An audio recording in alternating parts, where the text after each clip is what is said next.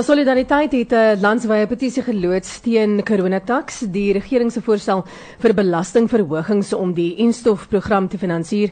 Uh dit is dieselfde regering wat COVID-19 hulpfondse onderhewig aan rassevereistes gemaak het en wie se COVID-19 toetsstrategie totaal en al in duie gestort het, wat homself nou die alleenreg toeëien om die enigste aankoper en verspreider van enstowwe in Suid-Afrika te wees. Nou ons gesels vandag met Morney Malan, kommunikasiehoof van Solidariteit. Goeiemôre Morney, welkom by ontbyt.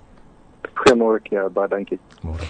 Môre daar is nou sprake van belastingverhogings of subsidiering deur mediese fondse om die 20 miljard rand te bekom om vir die enstowwe te betaal. Hoe voel solidariteit daaroor?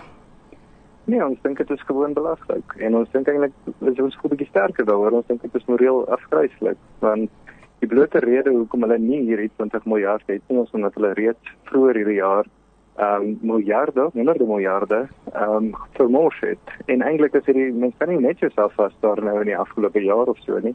Dit is eintlik al dekades se korrupsie waarvoor ons nou moet betaal.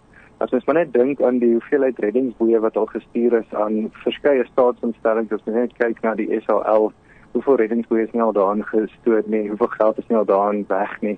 Uh Eskom self, Eskom sit met bykans 500 miljard rand se skuld. Hmm. Ons kon al vyf keer of selfs meer as dit ons land um, en en net met daai geld. En nou die ander punt is ook maar net dat jy weet daar's geen tekens dat die, dat daar enigsins 'n verbetering is in die in die prestasie van die staat nie. So hulle verwag nou uh, dat meer geld moet in maar dit is eintlik vir hulle 'n beloning vir die feit dat hulle so swak was in die verlede. En ons kan nie dit toelaat nie. Ons ons weet dat die die instowwe gaan elk geval nie kans uitkom as dit deur die staat moet kom nie. So hoekom sal ons dan nou ekstra belasting moet betaal vir dit ook nog? Mhm. Mm okay, so Suid-Afrika is, is reeds een van die 20 mees belaste lande ter wêreld. So hoe gaan dit die belastingbetaler beïnvloed indien hulle die plan sou deurvoer? Ja, kyk net om daai bietjie in perspektief te sit. Ehm um, weet in terme van belasting as 'n persentasie van BBP is Suid-Afrika die hoogste van alle ontleikende lande. So alle opkomende ekonomieë is Suid-Afrika het eintlik die heel hoogste belasting van alle lande. En as mens kyk na ehm um, die vergoeding van staatsamptenare as 'n persentasie van BBP, daar is Suid-Afrika tweede in die hele wêreld. Hm. So ons staatsamptenare word beslis goed betaal is 'n ander vraag of hulle of ons noodwendig waarde vir daai geld kry. Nou bygesê, mens moet mens moet erken dat 20 miljard is eintlik binne die konteks van staatsfinansies 'n relatiewe klein bedrag. Maar dit gaan oor daardie punt wat ek 'n bietjie vroeër gemaak het. Dit gaan oor daai ehm um, lisensie wat hulle nou soek. Hulle wil eintlik maar toestemming hê dat hoe meer hulle droog maak, hoe meer geld kan hulle kry. Hmm. En dit is presies wat ons gesê het by die staatsinstellings. Eskom vermoor so klomp geld mm. en as die oplossing o nee, maar dan kort hulle seker net meer geld. Ons het nou te veel skuld gemaak, so nou moet ons net meer geld inkry. Mm. En ons kan nie vir hulle daardie lisensie gee wat sê, weet jy wat, hoe meer jy droog maak, hoe meer geld kry jy nie. Want dan dan is ons net in 'n spiraal waar waar ons nooit gaan kom nie. Ja. En um, ons moet nou ophou. Nou julle het regstappe geneem uh, teen die regeringsmonopolie wat behels, uh, ekskuus tog, wat behels die regsaksie en wat wil julle hierdeur bereik? Ja, kyk, ons standpunt is redelik eenvoudig oor hierdie punt. Ons, ons sê as die doel is dat uh, as die doel is om vinnig en effektief die enstof te versprei, dan lê die antwoord van selfsprekend nie daarin om die om die enstof te nasionaliseer nie. Hmm. Ehm um, na herhaaldelike mislukkings is die vertroue vertrouensvlakke in die regering met rede laag.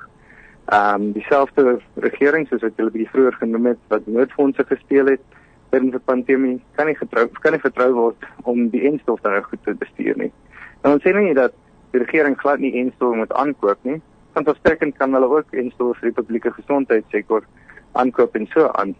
En so net baie sterk dat die regering nie die alleen koper van enstof moet wees nie.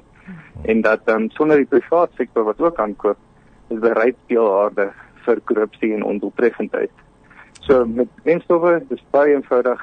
Spoed is die belangrikste faktor gaan nie oor wie dit kry nie, dit gaan nie oor waar dit uitkom nie, dit gaan oor by dit so vinnig as moontlik by soveel as moontlik mense uitkry. En die staat is die swakste manier om dit te verrig. Ons selfs met Morne Maland, hy's die uh, hoof van nuus en publisiteit by Solidariteit hier op Radio Tygerberg 104 FM, is nou 17 minute oor 8. Net laastens, uh, Morne, hoe kan die publiek dan nou betrokke raak um, as hulle hulle stem agter julle sin wil voeg?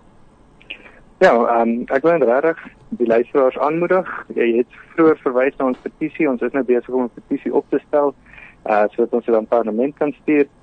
Ehm um, ek wil net hulle aanmoedig. Hulle moenie hulle mag as belastingbetalers onderskat nie. Hulle moet besef dat hulle het hulle kan hulle het die vermoë om hulle belastingvrys te bal en hulle moet bietjie terugskop teen hierdie goederes want hmm. as ons nie nou terugskop nie, dan gaan hierdie net 'n verskoning word vir die volgende dekade. So as die mense wil betrokke raak by die petisie, as hulle 'n naam wil voeg tot ons petisie, uh dit is SMS net die woord nee na 34802. So dis daardie woord nee na 34802. Dis hy, dis R1 per SMS, korrek? Ja. Dis hy. Okay, nou daar is so dis woord nee, baie eenvoudig. Mm -hmm. En dit stuur jy na 34802. Ek sê daai nommer weer, dis 34802 en dis R1 per SMS. Baie dankie dat jy deel was van ontbyt vandag. Baie dankie vir die. Baie dankie. Sterkte vir jou.